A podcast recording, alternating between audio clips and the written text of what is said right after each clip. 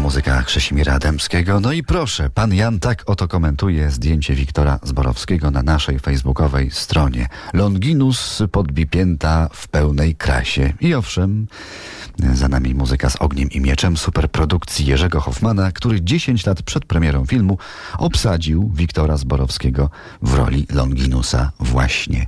I filmowy Sienkiewiczowski Longinus to niebieskooki blondyn podgolony o wydłużonej postaci z twarzą Wiktora Zborowskiego.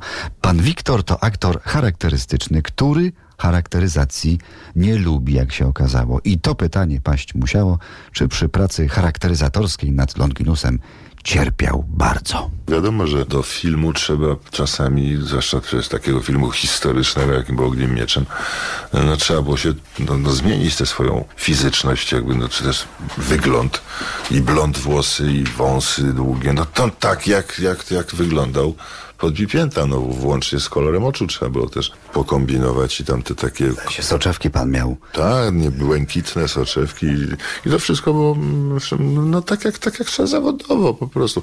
A ja nie lubię się charakteryzować, bo to jest strasznie, strasznie męczące. Klejenie wąsów, to, przecież, no, to przeszkadza, to drażni, to jest nieprzyjemne, no ale w papki nagrałem przecież nie wiem, kilkaset razy, klejąc te wąsy, co często codziennie, no jakoś to człowiek wytrzymywał. Ja nie, nie lubię się malować, wie pan, takie rzeczy. To, to nie jest to, co mi sprawia jakąkolwiek frajdę. Są koledzy aktorzy, którzy uwielbiają właśnie się malować, to tu zmieniać, to jakieś podbite oczy sobie robić. No, to, no potrafią to i lubią, tak są.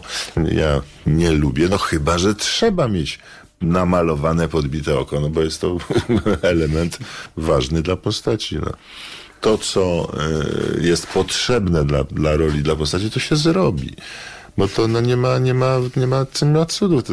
Natomiast jedni to lubią, a drudzy no, nie przepadają za tym. A dla Jerzego Hoffmana i dla Sienkiewiczowskiego Longinusa podbipięty Wiktor Zborowski zrobił naprawdę wiele. Wszyscy chyba pamiętamy dramatyczną i zaawansowaną technicznie scenę śmierci Longinusa podbipięty, kiedy to przeszyty gradem strzał wyzionął ducha. Naprawdę mocna scena. To się odbywało wtedy, że ja miałem taki pancerz pod koszulą, taki z jakiegoś tworzywa sztucznego, tam na tym no, tam wystawały takie jakby śruby i od tych śrub odchodziły struny fortepianowe i, i z tego się pod idealnie prostym kątem, no, taki, były wystrzeliwane takie rurki, które imitowały te strzały i one się nadziewały na to, bo to musiało być idealnie równo, prosto.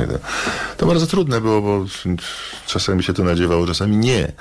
To jest na ekranie, to jest, nie wiem, 10 sekund, może trwało to dwie noce. I potem się te struny wymazywało jakoś komputerowo.